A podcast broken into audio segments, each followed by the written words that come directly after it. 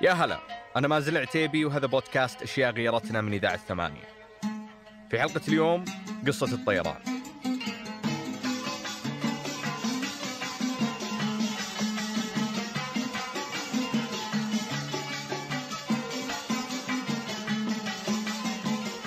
يوم كنت بالمتوسط سافرت لأول مرة بالطيارة. كانت رحلة دولية برا السعودية. أذكر أني كنت منبهر بفكرة أنك تقدر تشوف أفلام ومسلسلات وأنت في الجو والانبهار الثاني جاء يوم عرفت أن في مصلى في الطيارة هذه التفاصيل الإضافية هي اللي كانت مبهرة لي في فكرة الطيران مو بقطعة الحديد اللي تطير وتشيل معها الناس. لكن بطبيعة الحال الوضع ما كان دايم كذا. قبل مئة سنة كانت الطيارات منظر مهيب وغريب في المنطقة. 1914 تقريبا حول كانت في طائرات بريطانية على السواحل المنطقة الغربية ولذلك شاهدها الناس. في نفس الفترة اللي ذكرها منصور واللي كانت فترة الحرب العالمية الأولى وقبل توحيد المملكة كان في قوات طيران باسم القوات الجوية الحجازية واللي أسسها الشريف حسين. استخدم طائرتين وغير طائرتين هي هي كلها كانت للسلاح الجوي لكن بدون تسلح طائرتين بدون تسلح زي ما تقول استطلاع أو زي كذا. وبعدين آه، طائرتين معها أخرى ثنتين أخريات. بعدين بريطانيا ما صدرت الشريف بعدين الشريف أخذ من ألمانيا ست طائرات أخرى غير الأربع ست طائرات وكانت فيها فيها سلاح. وبعد توحيد المملكة صار هذا السلاح الجوي هو نواة تأسيس سلاح الطيران السعودي. كان في عبد السلام سرحان وبخش الظاهر اسمه سعيد بخش. بخش أول يعني من الطيارين عبد السلام سرحان أول طيار برضه سعودي. فالملك عبد العزيز آه، طلب من عبد السلام و... إنه خلاص هو الآن يجي يعني يصير هو هو زي ما تقول يعني مسؤول عن المهابط واختيار مواقع المهابط واستلام ملف الطيران هذا في من النواحي الفنية وذا وتدريب ومشرف على التدريب. كان مطار جزيرة دارين في المنطقة الشرقية هو أول وأقدم مطار رسمي في المملكة. ويعتبر ثاني مطار في الجزيرة العربية بعد مطار المنامة في البحرين. وبعد التوحيد كان هذا المطار هو المقر الأول لسلاح الجو السعودي اللي بدأ الملك عبد العزيز الله يرحمه يبنيه. وخلال هالفترة اللي كنا نبني فيها سلاح جو ونشتري طيارات كان في بعثات أرسلها الملك عبد العزيز الخارج عشان تدرس طيران. عادت أول بعثة فسلم عليهم الملك عبد العزيز بتكريم واحتفاء فيهم فقال أهلا بنسورنا. فراح اللقب أنهم النسور السعودية. في سنة 1945 صار لقاء جمع الملك عبد العزيز بالرئيس الأمريكي روزفلت اللي تناقشوا فيه على بعض القضايا المهمة في الشرق الأوسط. وبعد هذا الاجتماع التاريخي أهدى الرئيس الأمريكي طيارة من نوع داكوتا للملك عبد العزيز واللي هبطت في منطقة عفيف.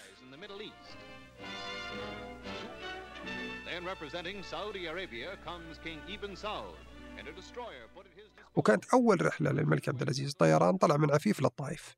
الرحلة كانت من عفيف للطائف لأن الملك عبد العزيز يوم وصلت الطيارة من أمريكا كان وقتها في مخيمة في عفيف.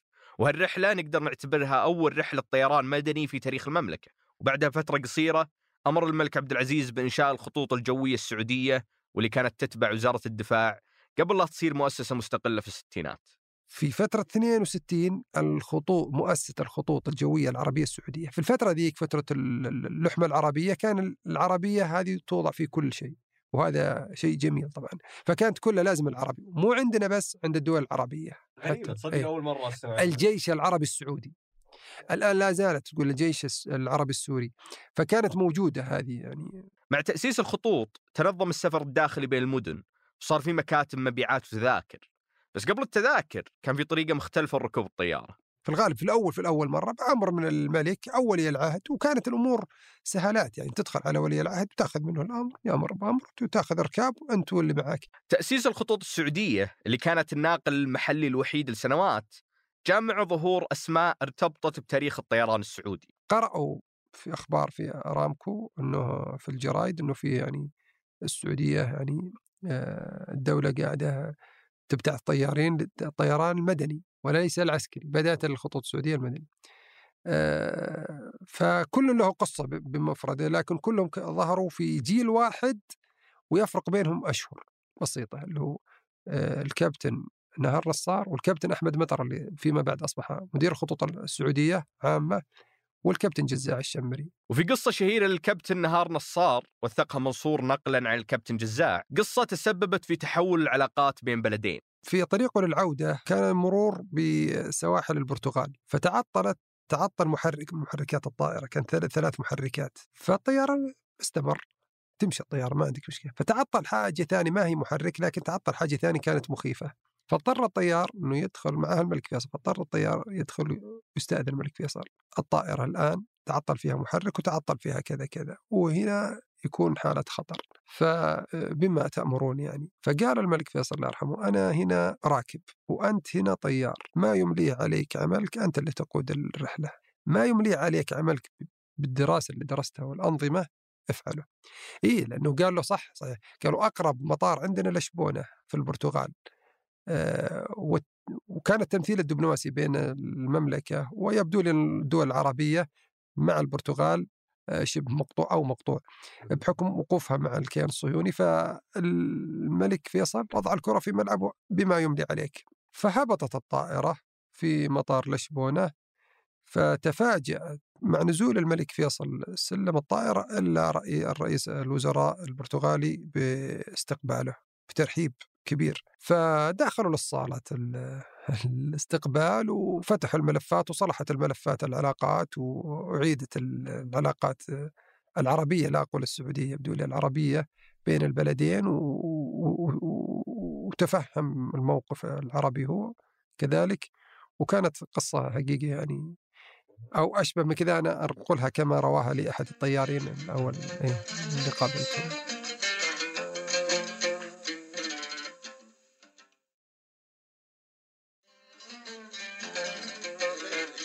لو رجعنا لبدايات الطيران المدني في منتصف الأربعينات واستثنينا مطار دارين بنشوف أن الطيارة وصلت قبل المطارات بس الملك عبد العزيز أمر بتجهيز مطارات عشان الرحلات كانت تتم بين جدة اللي أسس فيها مطار صغير والرياض اللي تأسس فيها أول مطار رسمي في سنة 46 قبل افتتاح مطار الملك خالد الدولي في بداية الثمانينات.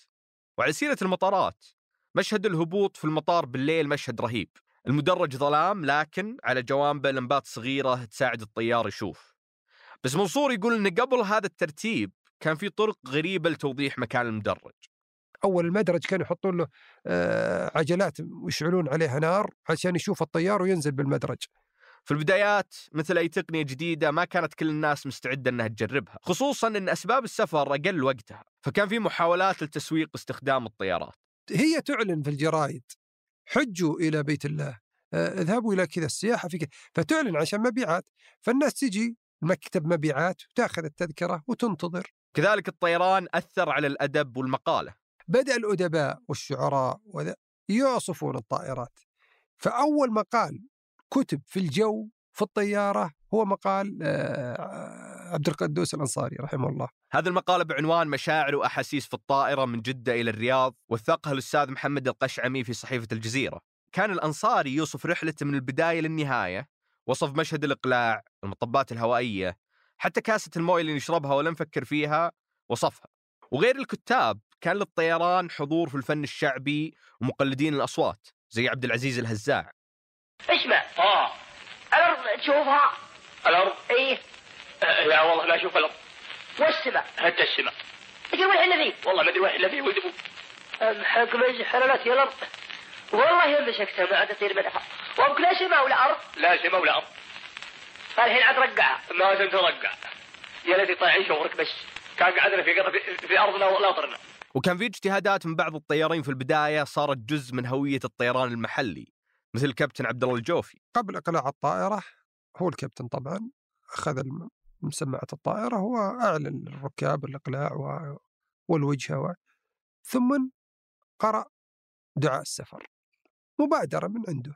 أصبح كل طلعة يطلعها الكابتن عبد الجوفي يقرأ دعاء السفر. لقيت قبول. بعدين عممت. هذا الكلام كان في 1402 82 يعني ميلادي. فبعدين آه، كانت اجتهادات. اجتهاد معه كذلك طيارين آخرين يعني قبل تعميمها. اجتهد معه كذلك طيارين آخرين. بعدين عمد عمدتها. رسمي إنه تطلع تذكر بدعاء السفر. بعدين اخذتها دول أخرى الله أكبر. الله أكبر. الله أكبر. سبحان الذي سخر لنا هذا وما كنا له مقرنين.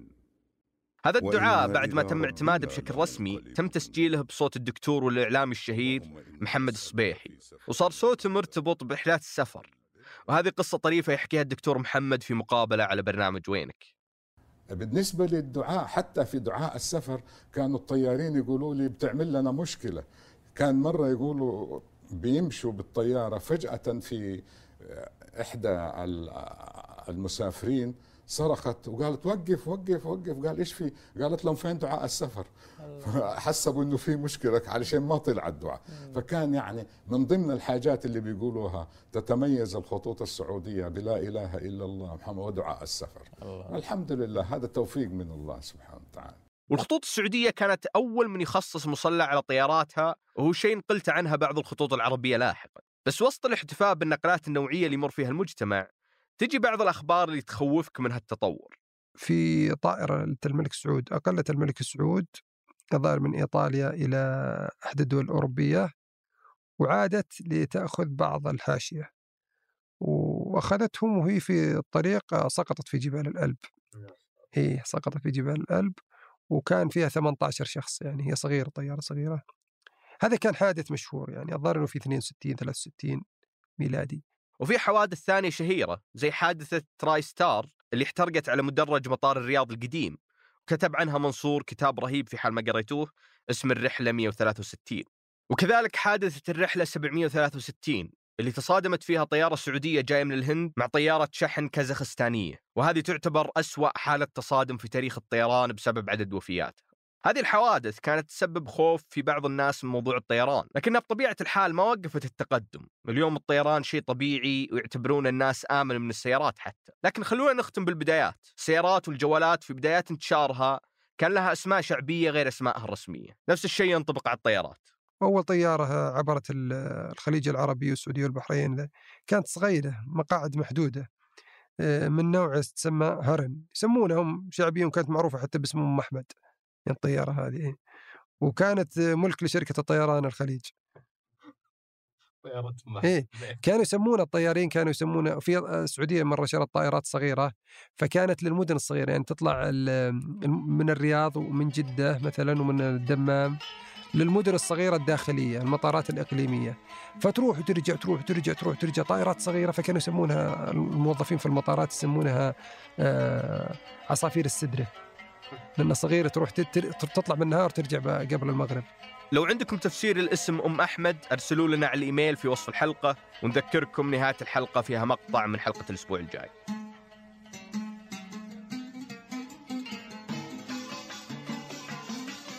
هذه الحلقة من بحث وإعداد الرائع منصور العساف.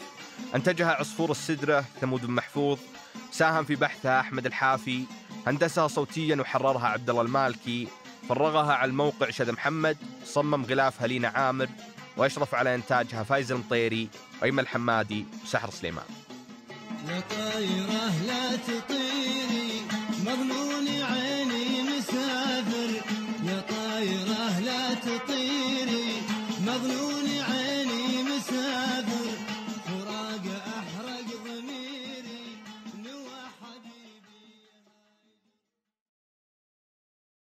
قرطاس كيس من قرطاس مصفط كأنك آخذ وجبة مطبق. تأخذه كذا بقرطاس وتأخذه خصوصا يعني مشهورين خياطين البلد بجدة وخياطين البطحة في الرياض وخياط. فمتى أصبحت الناقلة هذه؟ في آخر الثمانينات. يعني خلينا نقول في 89 90 بدأ الخياطين انتشرت يعني يمكن لها امتداد قبل لكن انتشرت في 89 بالضبط.